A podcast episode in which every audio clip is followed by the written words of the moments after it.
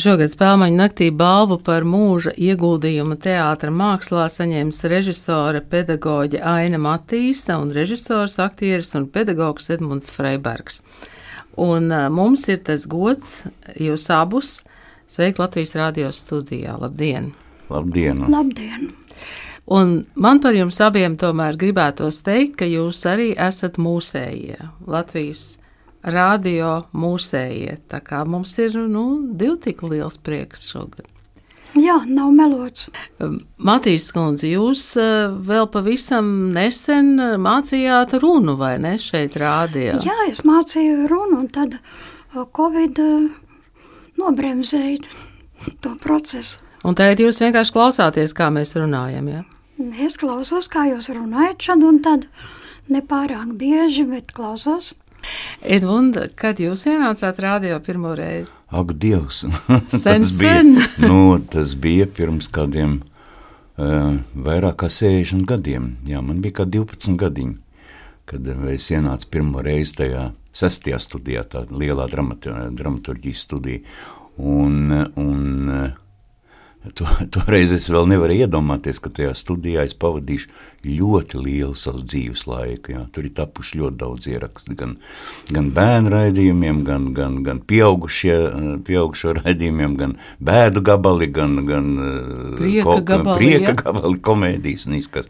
Un tā arī līdz šim brīdim. Es esmu ļoti pateicīgs radioteātrim, kuri man piedāvā laiku pa laikam kādu darbu, gan kā aktierim, gan iestudēt kādu lūgu, un, un, un tā es te varu teikt, ka rādio arī ir manas otrās mājas. Jā. Matīs Skundze, kur bija jūsu pirmā darba vieta? Pati pirmā darba vieta. Studiju laikā, vēl esot studentei, man piedāvāja aizstāt docenti Bormani vokālajā katedrā. Baļūna pasauca un teica, mazais, tev jāstrādā par pedagoģi. Studiju laikā? Jā. Un uh, vēl pirms tam manā kursā ar pusgadu vēlāku piebiedrošanos ienāca uh, režisors Jānis Streičs. Viņš ir divus gadus par mani vecāks, bet kurs vadītājs Lēmens teica, Ainiņa, Tev jānītim jāiemāca viss tas, ko tu proti aktieru meistarībā. Aha, un, un jūs iemācījāt, ja? Un es tiešām vairākas reizes cītīgi pēc nodarbībām ar Jāni spēlējām visāds vingrinājumus un etīdus. Jānis vienmēr to apliecina, ka tas man bija viņam ārkārtīgi vērtīga pieredze. Sakiet, vai, vai jūs abi, Edmunds Freibergs un Aina Matīs, jūs esat satikušies kādā darbā, kādā izrādē, projektā, nu es pat nezinu, kur? Mēs esam satikušies jauno aktieru audzināšanā gadiem ilgi Kultūras akadēmijā. Un viens mans paraksts vienreiz ir tavā studentu atzīme grāmatiņā par skatos runu, kad man laikam vajadzēja aizstāt liniņu. Jā, tā varētu būt. Tādēļ es arī Aniņus uzskatu par vienu no saviem skolotājiem. Skolotāji, kaut gan uh, varbūt es neesmu bijis tik ļoti čakls jūsu lekciju apmeklētājs, tā bija neklātienē toreiz. Tās nodarbības bija mazāk, bet uh, es esmu ļoti daudz no jums mācījies tieši praktiskajā darbā, skatoties, kā jūs analizējat, kā jūs strādājat ar studentiem, un, un, un esmu daudz ko Eh, mēģinājis no jums arī paņemt, cik man izdevies citu lietu.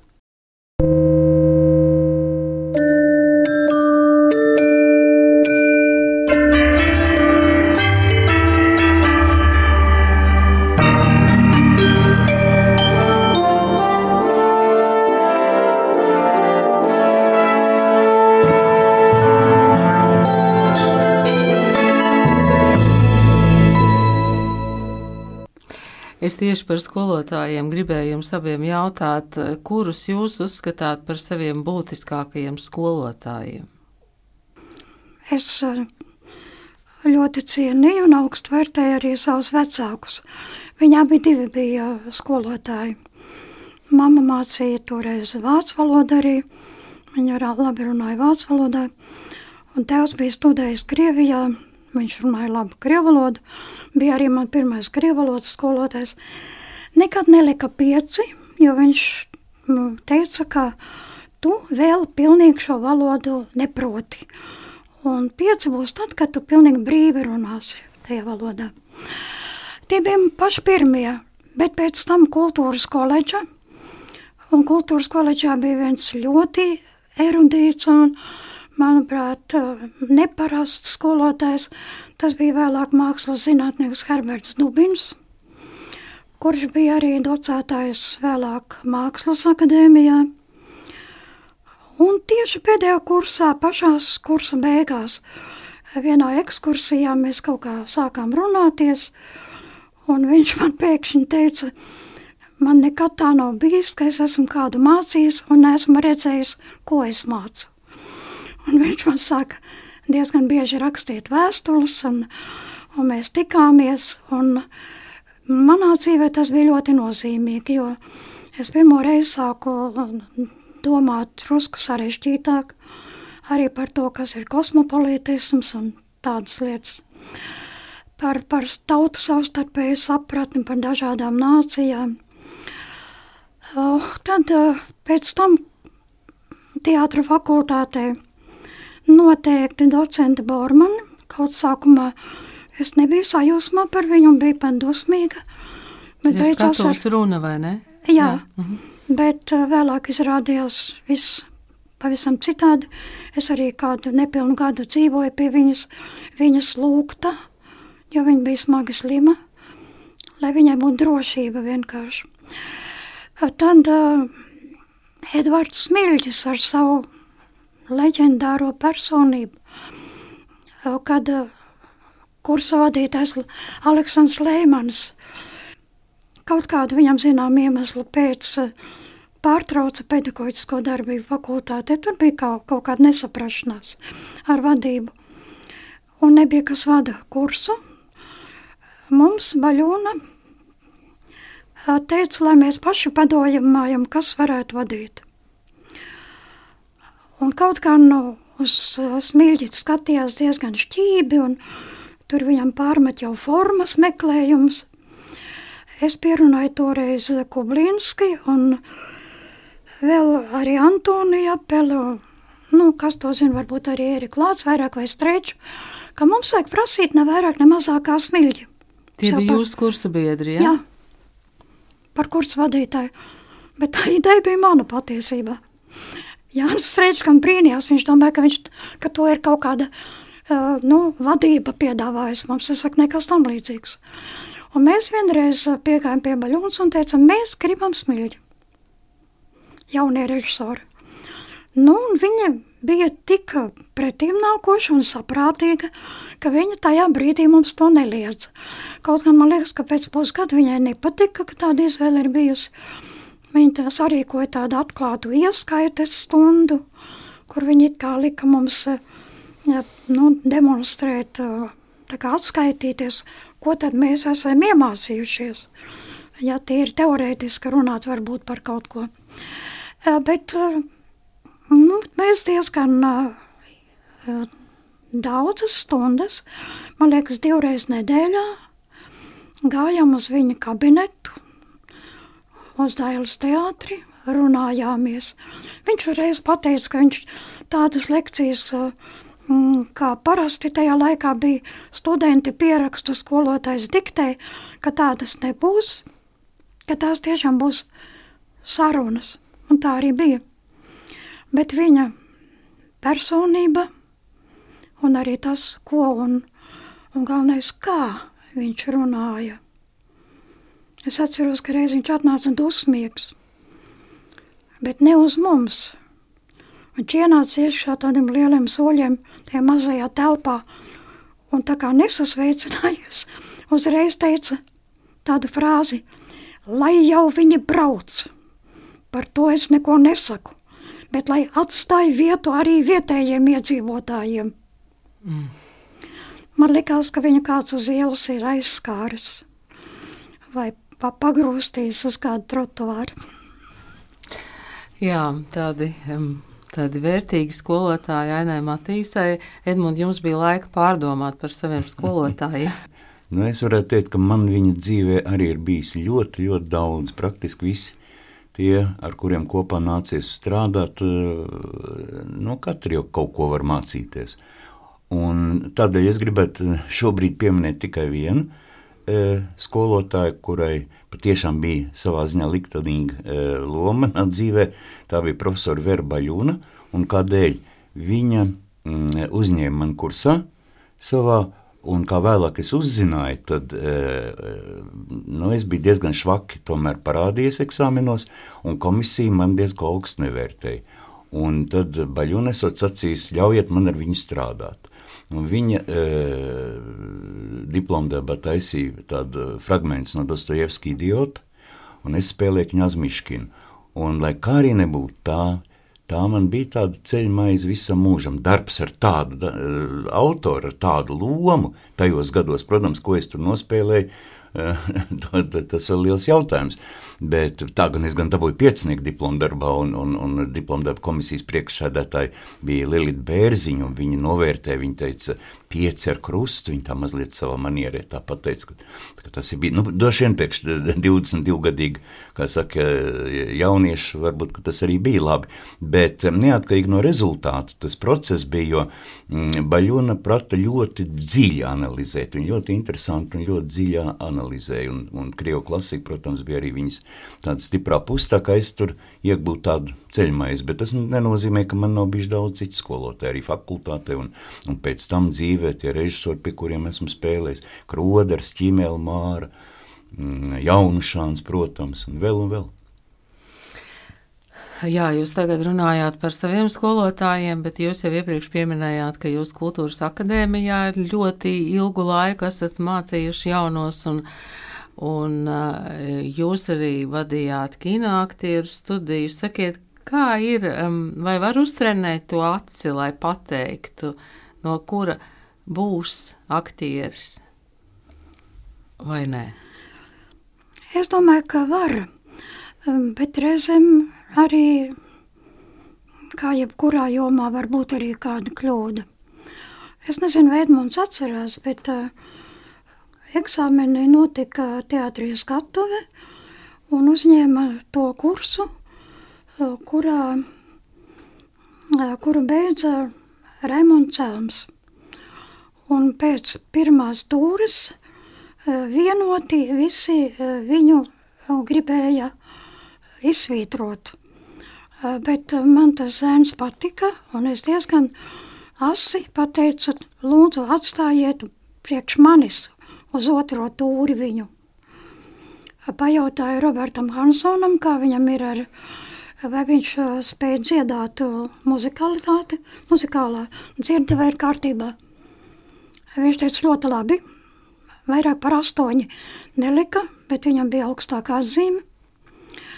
Un atstāja viņu uz otro tūri pēc diezgan man tāda kategoriska lūguma.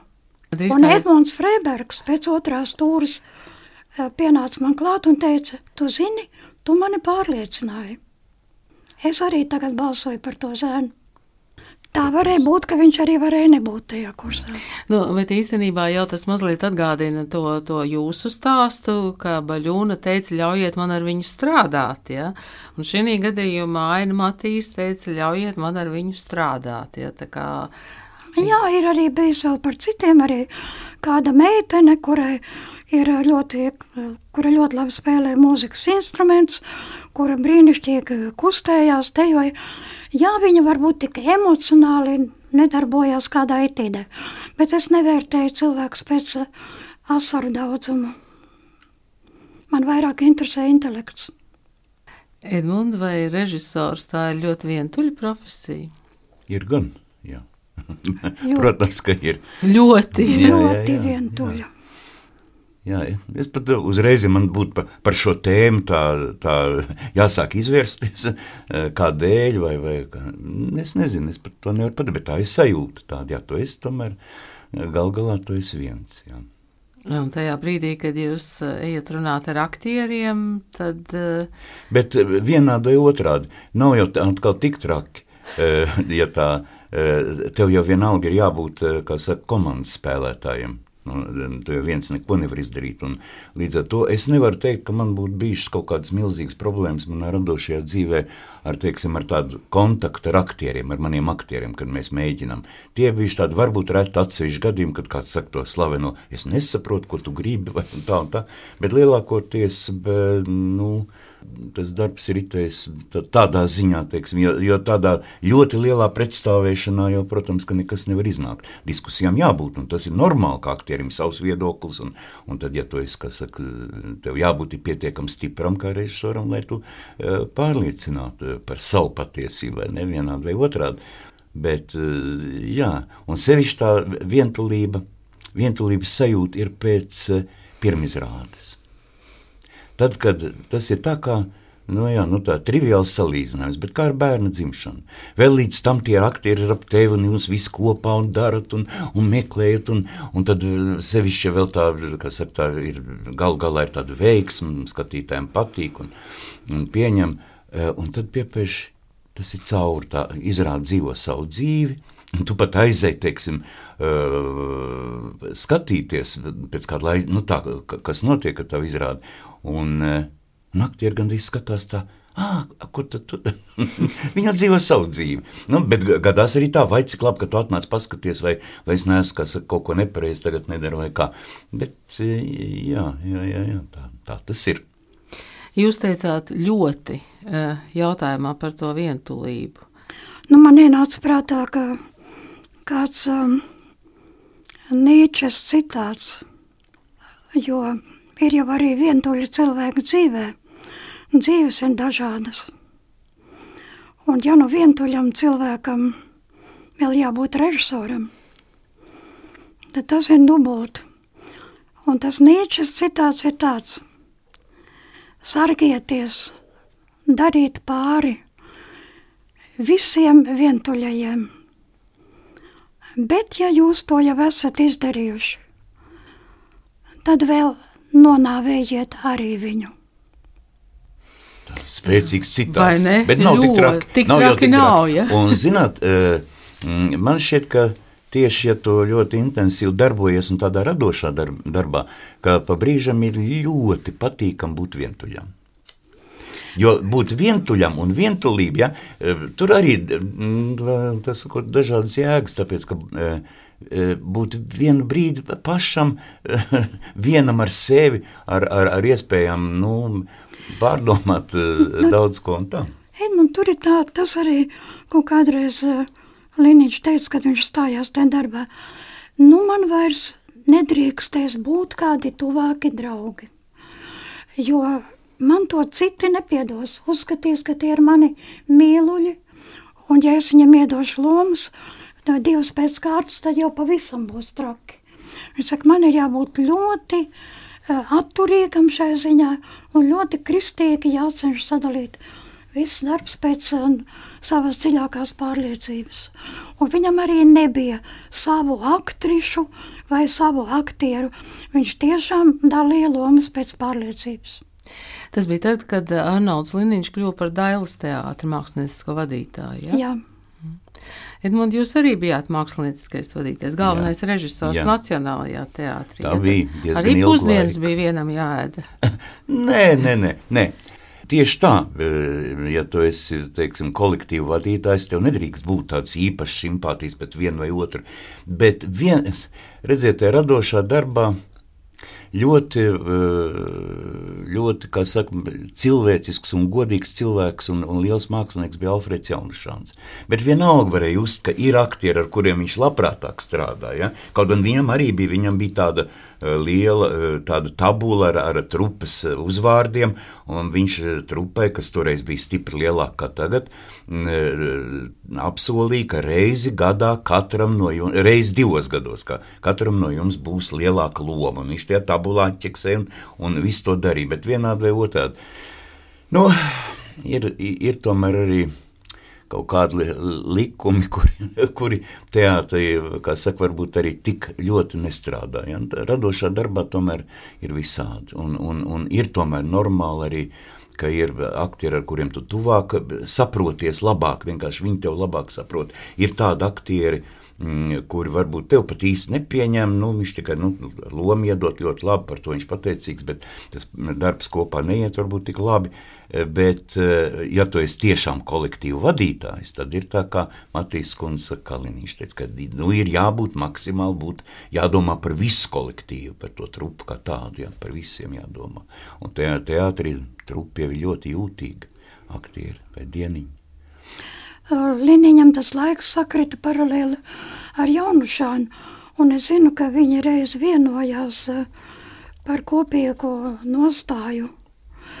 Ja kāds no aktieriem noraus izrādes, regulāri dzers un to uh, izbīdīs laukā no štata, vai nu dailē, vai toreiz drāmas teātrī. Tad, lai otrā teātrī viņu neņem pretim, lai viņi ir šajā ziņā vienoti un viens otru atbalsta, un tā arī, tā arī bija.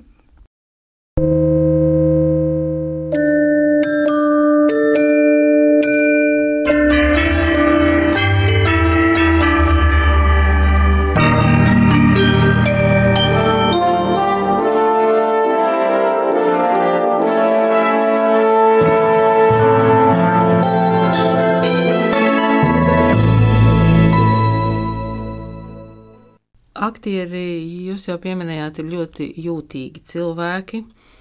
Kā ar aktieriem strādāt tā, lai e, būtu tas rezultāts, ko režisors ir iecerējis, un arī aktieris paliek dzīvs? Tas jau ļoti individuāli.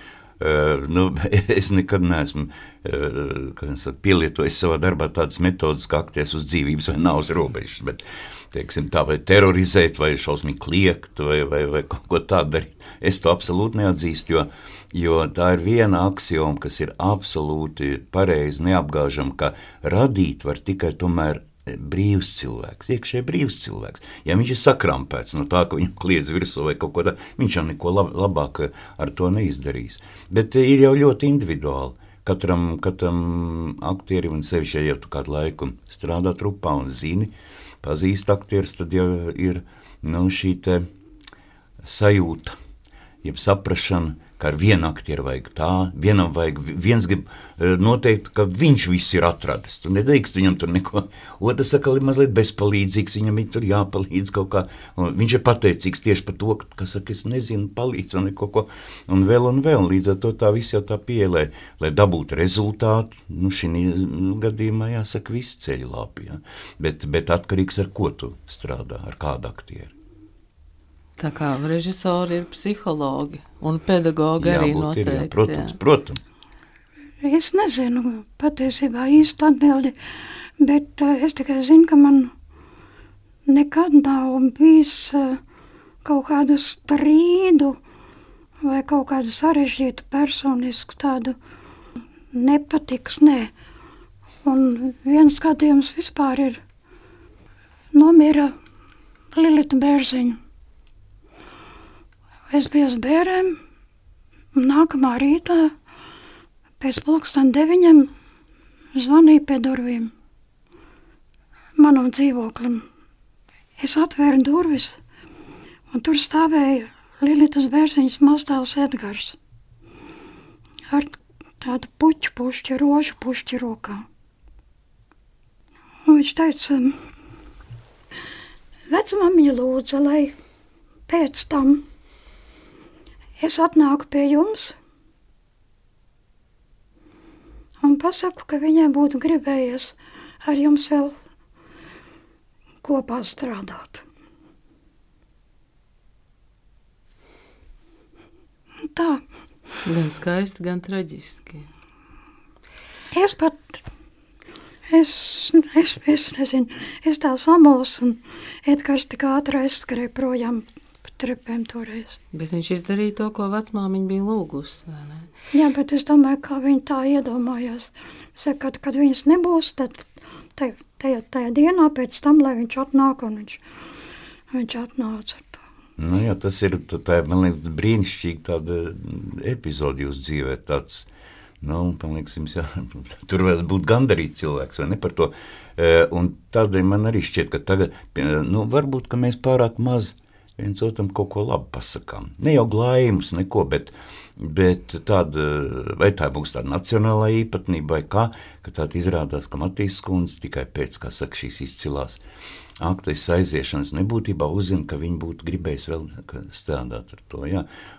Tagad jau arī tā ir. Nu, saņemot, jau uzzinot par šo apbalvojumu, uh, es arī dzirdu tik daudz labus vārdus, ka es esmu stipri pārsteigts.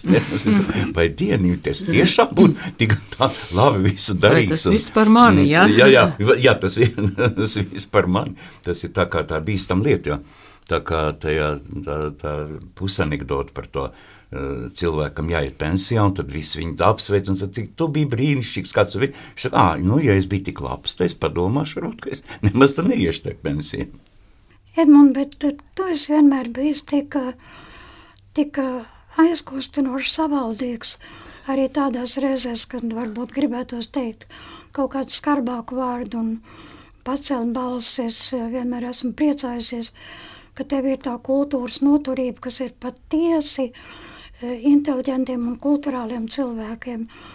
Līdzīgi Valentīna Frēmana nekad nekliedza un nebļāva, bet tas jau nenozīmē, ka viņa tajā brīdī e, Iekšēji nebļauj, varbūt. Jā, iekšēji nu, nebļauj. Man tā arī gadījās, jā, bet, nu, es, Tāds pats bija arī Fēliks Dēčs. Es saprotu, jā. ka kliekšana neko nevar panākt, un, nu, pilnīgi neko. Un tā ir, tā ir ļoti skaista stāja dzīves laikā. Komplimenti turpinās, bet uh, Matīs skundze, jums ir nācies uh, būt skarbai un, un uh, uzkliegt?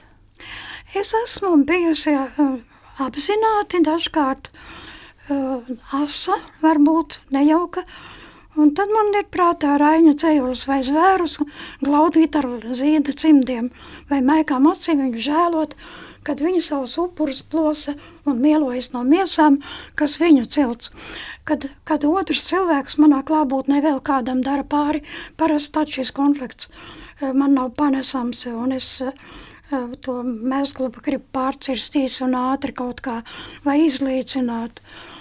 Jā, bet tā, tā, nu tāpat vien kaut kā par kaut kādiem niekiem es nebrūku nekad cilvēkiem virsū, bet es te pieminēju Nietzsche, bet viņam arī vēl tāds, ka viņš saka, Dievs kādreiz bija gars, pēc tam kļuva par cilvēku, un pēc tam par pūli.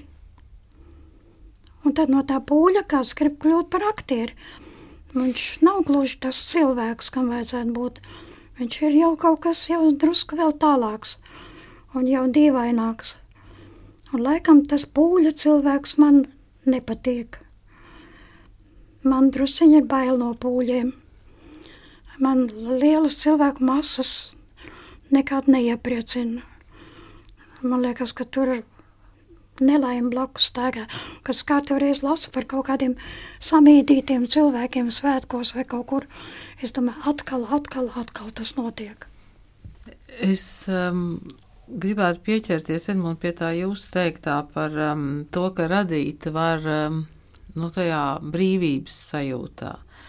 Bet jūs abi esat strādājuši tādos laikos, kad līdz brīvībai bija diezgan tālu, un teātrī vajadzēja radīt. Un, um, Matīs Skundze, jūs strādājat kopā ar dzīvesbriedru Arnoldu Liniņu, Dailas teātrī, e, un um, kur tad tur bija tā brīvība, bija, bija jāmāk pašiem radīt to brīvību.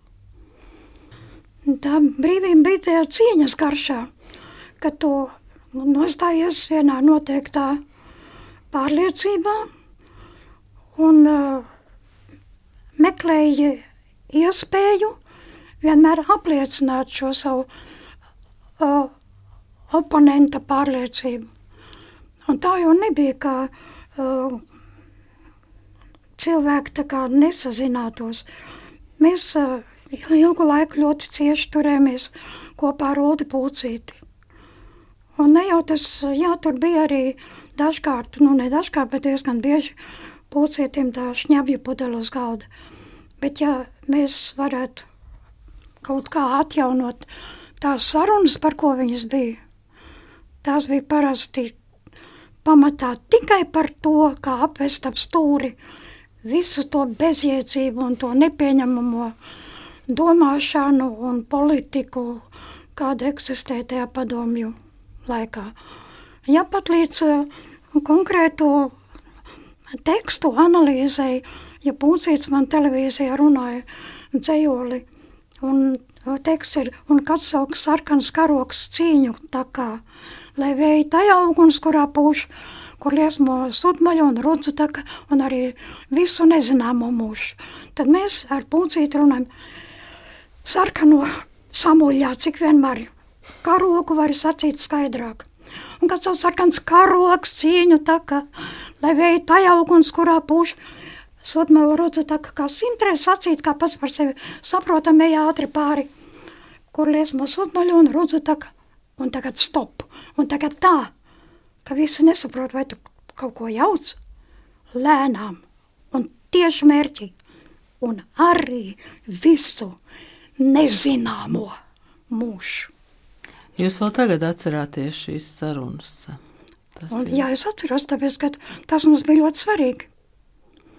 Un tad brauca pēc tam un šķirsta to, to glava ļitvāciņus, meklē to tekstu, bet toreiz eh, nebija ierakstu televīzijā. Vārds ir izskanējis un aizgājis gaisā, un kas dzirdēja, savējie sapratīs. Jā, jūs jau pieminējāt Valentīnu Freimanu, un uh, pēkšņi es atcerējos, ko Valentīna Freimana teica, ka viņa bija nu, nodiktējusi vai, vai izstāstījusi to, kas būs otrajā grāmatā, kas ir par padomu laiku. Un viņa teica, es nevaru saprast, kāpēc man prātā nāk tikai visādi anekdotiski gadījumi. Um, laikam tāpēc, ka mēs visu laiku mēģinājām apvest ap stūri to iekārtu, Un vispār mums diezgan bieži tas izdevās. Ja? Tie bija Valentīnas Freimanas vārdi. Un, Edmund, kā jūs mēģinājāt apvest tur? Ne? Šī sastapšanās ar, ar, ar, ar to, ka brīvība ir līdz zināmai robežai, šī apjēga man jau bija vienā no manām pirmajām izrādēm. Es taisīju tādu izrādi drāmas teātrī. Komēdija, sadzīves komēdija, lielā cerības stunda, nekas pārdabisks viņa nebija, bet viņa bija par vienu e, nomalas frizētavu, kuras nodzērušās frizieres, netīrība, šausmas un viss. Tam laikam tas, nu, tas bija it kā tāds mazs modelis ļoti saka, sabiedrībai gandrīz. Un, un šajā vidē ienāk viens jauns cilvēks, kas grib kaut ko izdarīt, izmainīt kaut ko. Protams, viņam nekas neizdodas, visas viņa ideālisms. Tā izrāda guva labus panākumus vienkārši tādēļ, ka viņa arī bija, tur bija ļoti laba aktieru darba, Helēna Romānova, bija Irina Thompsona vēl un vēl. Un Jānis Skanis bija galvenajā lomā, bet tad, kad tuvojās pieņemšana, tad sākās tas šausmas, ka nāca viena komisija pēc otras ar sirds trīcēšanu, sākot ar, ar, ar vienu to ministriju, kas atbild par frizētavām, ka tā ir nomelnošana, patiesības nomelnošana. Kaut gan tā autora, tā bija viņas vienīgā lūga, un viņa to lūgu bija, viņa pat bija tajā frizētavā strādājusi. Viņa bija uzrakstījusi būtībā absolūti patiesību viens pret vienu, ja? kur teātrie vajadzēja, nu, kā saka, mazliet pārradīt mākslas patiesībā. Un pēc tam bija vēl komisijas un vēl komisijas, un tad to izrāda uzmanību. Tur sēdēja zālē čekists, un ja tur kaut kāda improvizācija bija ne tāda, ka tur, teiksim, pat to šodien cilvēkiem ir grūti saprast, bet, piemēram, tur bija tā, ka viens noimprovizēja, viņš saka, es tev pamēģināšu dabūt kafiju pa blatu, jo tur es kafiju nevarēju dabūt. Tad iedomājieties, viņi izsauc pie direktora, tur sēdēja čekists, kas bija sēdējis zālē, un, un, un avanskot, viņš tika pāraudzināts tas aktieris, bet viņi nevarēja pāraudzināt, nākošajā izrādē viņš teica, zini, es tev dabūšu cukuru pa blatu, to arī nevarēja dabūt. Nu, tā tas tāds, eh, Gogoļa revidentā finālā es pieliku no, no mirušām dvēselēm, fināla jaunšāns ielasīja man to, ja, par Krieviju to visu. Ja. Tad bija tāds skandāls, bija obligāti eh, to noņemt nost, un izrādās tie no partijas ceks, laikam tie bija, kuri eh, pat nezināja, ka tas ir no mirušajām dvēselēm. Kad Freibeks pielicis kaut ko sacerējis pats klāt pie tā, es saku, nē, tas arī ir Gogolis ka tu tā, tā pēdējā frāze ieradies revidents un pēc tam atskan tā balss. Ja? Varbūt tas bija naivi vai kā, bet, bet kaut ko jau gribējās darīt lietas labā. Un tad toreiz bija, nu, bija pavēli jānoņem tas fināls tāds, kāds bija, un tad pēdējā izrādē mēs viņu tomēr kas ir pēdējā izrāde, ko tu vairs padarīsi. Mēs atkal palaidām to finālu. Tā, tā, tā kā ziņā par, par brīvību, bet tajā pašā laikā kaut kādā ziņā Nu, mēs bijām toreiz visi jauni, mēs jutāmies kaut kā brīvi savā kaut kādā vidē, un tajā, ko mēs darījām, līdz tai vienai robežai, ja, kad sākās, ka tev jārēķinās, ka tev vienkārši to izrādi var aizklapēt. Bet Tā mēs diezgan bija. labi to robežu arī zinājām. Mēs zinām, jā, bet tāpēc arī bija, ko Matīs kundze saka, tā e, ezopa valoda. Jeb tā vienalga, jebkuriem līdzekļiem kaut kā tomēr pateikt. Un tā arī zinām brīvība, jo vismaz ceļš uz kaut kādu, nu tā, īsta brīvība jau tā nav, bet, bet tomēr vismaz tev pašam, kas bija, to galvenais man šķiet bija tas, nenonākt kompromisā ar savu sirdsapziņu. No nu, tā kā es atklātu konjunktūru, taisīšu, jo tad es dabūšu nopelniem bagāto, ja bez, bez rindas mašīnu vai kaut ko tādu. Nu, varbūt kāds tā arī dzīvo. Es, es nedzīvoju tā. Nē, to es nebūtu varējis. Es tikai atceros, ka uh, televīzijā uh, komjaunas sekretārs bija ļoti jaukais, simpātiskais Ansis uh, Epners. Un man uh, tieši bija 28 gadi, un es tajā dienā tūliņ piegāju pie viņa un teicu, atdod man komjaunatnes biedra karti, es eju stāties ārā. Viņš saka, nu vai tu nevari mm, kaut kā pišķiņ vēl pakavēt, uh, nu vai tev tik steidzīgi? Es saku, jā, tik steidzīgi, tūliņ un šodien. Es nevienu stundu ilgāk negribu būt uh, šī formālā komjaunieta. Un uh, to minēja, mēs bijām jauni. Jā, mēs bijām jauni. Un jaunam cilvēkam tomēr uh, ļoti daudz enerģijas un tādu sapņu par to, ka nākotnē jābūt labāk. Pat, ja arī šodien ir labi, tad jābūt vēl. Un man interesanti saruna bija reiz ar Andrēju Žagaru jau 90. gadu sākumā, kad viņš teica, Jūs tik daudz bieži vien kinoaktieru studijā runājāt par to, ka dzīve varētu būt citāda, viņai vajadzētu būt citādai, ka cilvēku rīcībai, uzvedībai vajadzētu būt citādai. Un es tā klausījos, un es īsti nesapratu. Man likās, ka viss ir diezgan jauki ka mēs braucam jau ekskursijās kaut kur ar, kad, kad brauc ar to kaut kādu sputņiku vilcienu daudzi komjaunieši. Un man nekas tāds ļoti slikts nelikās. Un tad viņš teica, un tikai tad, kad viss šeit mainījās, tikai tad es sapratu, par ko jūs runājāt. Jā, nu šeit Edmunds Freibergs pieminēja tādas izrādes, ar kurām ir saistīti varbūt pat komiski un ar cenzūru saistīti elementi, bet man lūgums katram no jums, kuras jūs uzskatāt par, par savām tādām dzīves svarīgākajām izrādēm? Uz šo jautājumu, kad tā padomā, es nevaru atbildēt, jo, lai cik arī tas neizklausītos varbūt triviāli, bet izrāda ir kā bērns. Un tad, tad vienīgais tā, tā, tā atbild, lai arī viņam ir kaut kas, es nezinu, tur kaut kāds, uh, nevar būt viņš ir ideāls, bet viņš ir kam uh, mans, mans radījums, un tad par vienu, tad tas tā kā par vienu bērnu pateikt, nu tas nav nekas štuns, bet otrs ir ļoti labs, un līdz ar to es teikšu tā, tā mīļākā izrāde ir tā, kas ir tā jaunākā, nu, tā kā pastarīta. Mana tā ir, ar kuras dzīvoju ilgu laiku, un tā ir um, sarkanais un melnais Nacionāla teātra mazajā zālē pēc Stendāla romāna. Un, un tad es nosauku šo te izrādi. Matīs Skundze, ko jūs teikt? No jauniešu izrādēm es domāju, īpaši tajā laikā tas bija, tā bija novitāte un un ļoti mērķiecīgi un, un veiksmīgi veidot izrādi. Tā bija pēc dripes grāmatas pēdējā barjera. Un ļoti žēl, ka televīzija kaseti nodzēs ar šīs uh, izrādes ierakstu. Tur būtu gan Tenisona darbs redzams, gan uh, mūsu tā laika jaunieši lielās lomās, un arī izrādes uh, neparastais risinājums kopumā. Tur 90. gadu sākumā, kad, kad bija visi vēsturiskie notikumi, tad man teica, ka trūka kasetes. Un kaut gan kasetes Liniņš bija pats vedis no Amerikas par savu naudu. To kaseti nocēsa un uzrakstīja virsū barikāžu ugunskurs. Un otrā izrādē, es domāju, šobrīd vēl ar vienu viņa ir tāda saurupi spēcīga. Varbūt arī ilgu laiku vēl būs. Tas ir Brāns Dailas teātris.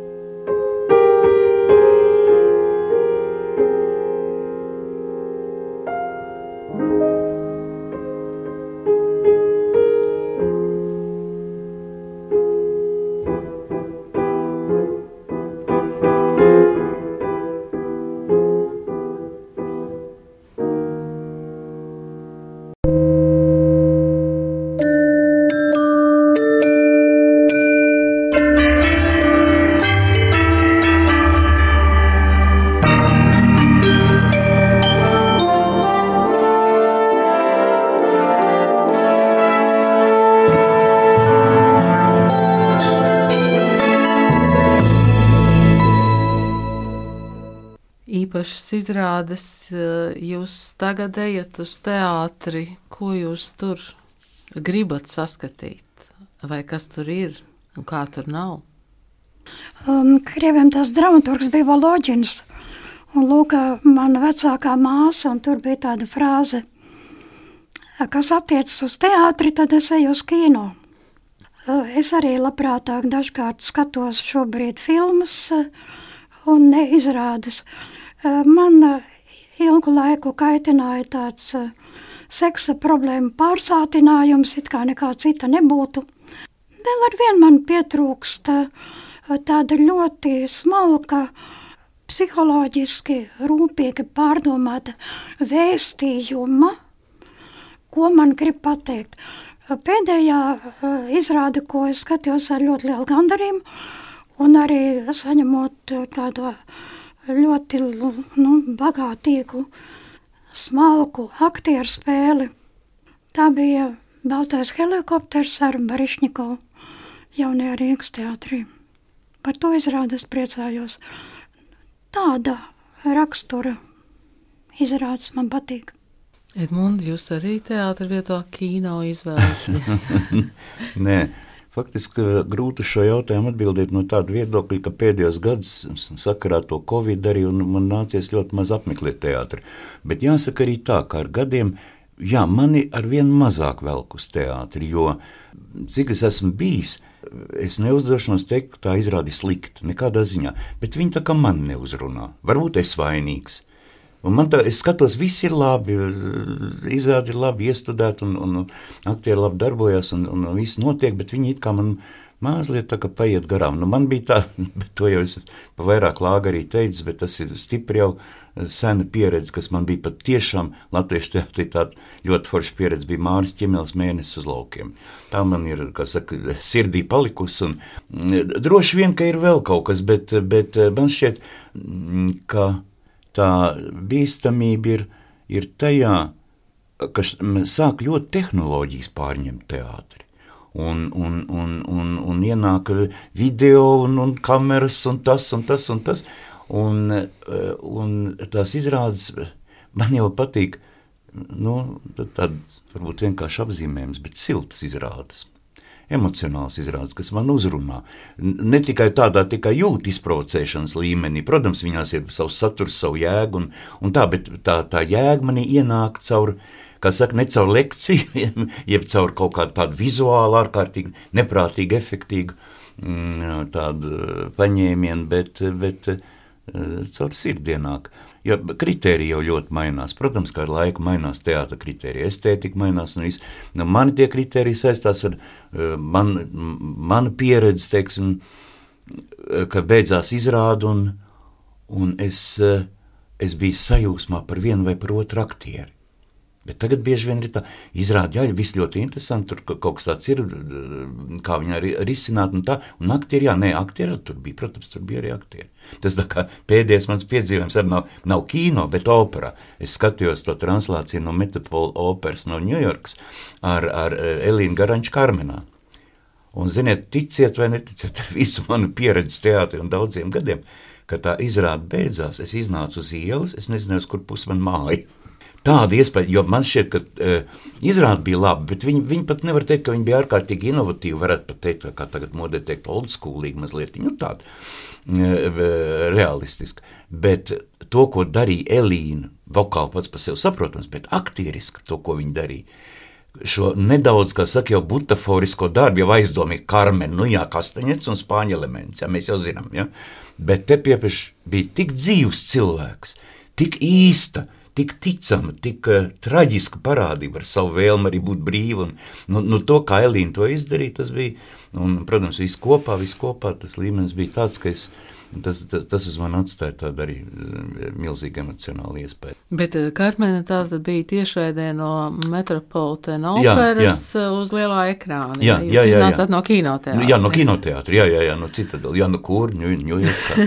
Varbūt kā, kādreiz nokļuvuši, jā, varbūt ko kādreiz, jā. Bet, bet tas bija no kinoteātra. Bet, nu, ja jums tagad ļautu fantazēt, nu, mēs zinām, ka šīs tehnoloģijas ļoti daudz ko pārņem, mēs zinām stāstus par mākslīgu mākslīgo intelektu, kurš eh, mūsu emocijas spēja varbūt eh, radīt precīzāk nekā pat dzīves cilvēks un tā tālāk un tā joprojām. Vai, vai jūs varētu fantazēt, kāds tas teātris varētu būt nākotnē? Kuru loku metīs uz kuru pusi? Es domāju, ka ļoti daudz kas atkarīgs no skatītājiem. Skatītāja domāšana un kriterija arī mainās, vai ne? Ja, ja skatītāji pieņems to, ka viņi ir gatavi skatīties un līdzpārdzīvot um, kādām mehāniskām lietām, bet labi, kā saka, radītām un uztaisītām, droši vien, ka tā arī būs. Bet, ja nē, bet man ir ļoti liels aizdoms, ka cilvēks nāk uz teātri pēc dzīves emocijas, un viņš to, viņš jau uh, nefiltrē tā, teiksim, ja? viņš vienkārši vai ir vai nav, vai viņš aiziet tā izrādē līdzi vai neaiziet. Nu, un, ja, un es domāju, ka tomēr diez vai, diez vai, es domāju, ka teātris to dzīvību, tā formula, laikam, lai cik vienkārši viņa arī nebūtu, kā Antons Briedītis savu laiku teicis, nepazaudēt cilvēku uz skatuves un nepazaudēt cilvēku zālē, bet man šķiet, ka cilvēku zālē var pazaudēt tajā brīdī, kad tiks pazaudēts cilvēks uz skatuves. Tā man šķiet. Un kas ir teātris bez skatītāja? Dabīgi nekas. Matīs skundze, jums arī ir kāda nākotnes vīzija? Es atceros lasījusi, ka Japānā aktieris, īsts aktieris, bija partnerībā ar Lelli, smalki, jauki izgatavotu Lelli, kas arī robotu valodā atbildēja kas spēlē pretim Džulietu. To es gribētu Romeo, redzēt. Ja? Jā, es to lasīju, un, un es domāju, ka es laikam tomēr nepirktu biļeti uz tādu teātri. Varbūt, ja saražos tādus ierakstus, kur kaut kas ļoti augsta līmeņa, tiešām mākslīgā intelekta radīti kaut kādi, es nezinu, apvērsumi cilvēka domāšanā, ar ko mēs varam iepazīties, un ko varbūt grāmatas formātā nemaz nevar uzrakstīt, bet kas ir jāgūst ar kaut kādām jaunām tehnoloģijām. Bet tad arī tie nebūs šie cilvēki vairs ar to jūtu dabu un pasauli, kādi mēs esam. Un es laikam negribētu būt tehnoloģiju cilvēks caur un caur arī kas, kas mīl gumijas leli, vai jā, laikam gan nē. Paldies jums šodien par dzīvu sarunu šeit Latvijas radio studijā. Spēlmaņa naktī šogad uh, balvas par mūža ieguldījumu saņems uh, režisore, pedagoģe Aina Matīsa un režisors, aktieris un pedagogs Edmunds Freibergs. Es jūs apsveicu Un droši vien, ka būs daudz apsveikumu vēl, vēl līdz smilģa dzimšanas dienai, un droši vien arī pēc tam. Un, un droši vien, ka jums ir jāgatavo kāda um, atbildes runa, vai ne? Jā, jā. Paldies, paldies par apsveikumu. Jā, paldies jums. Paldies. paldies.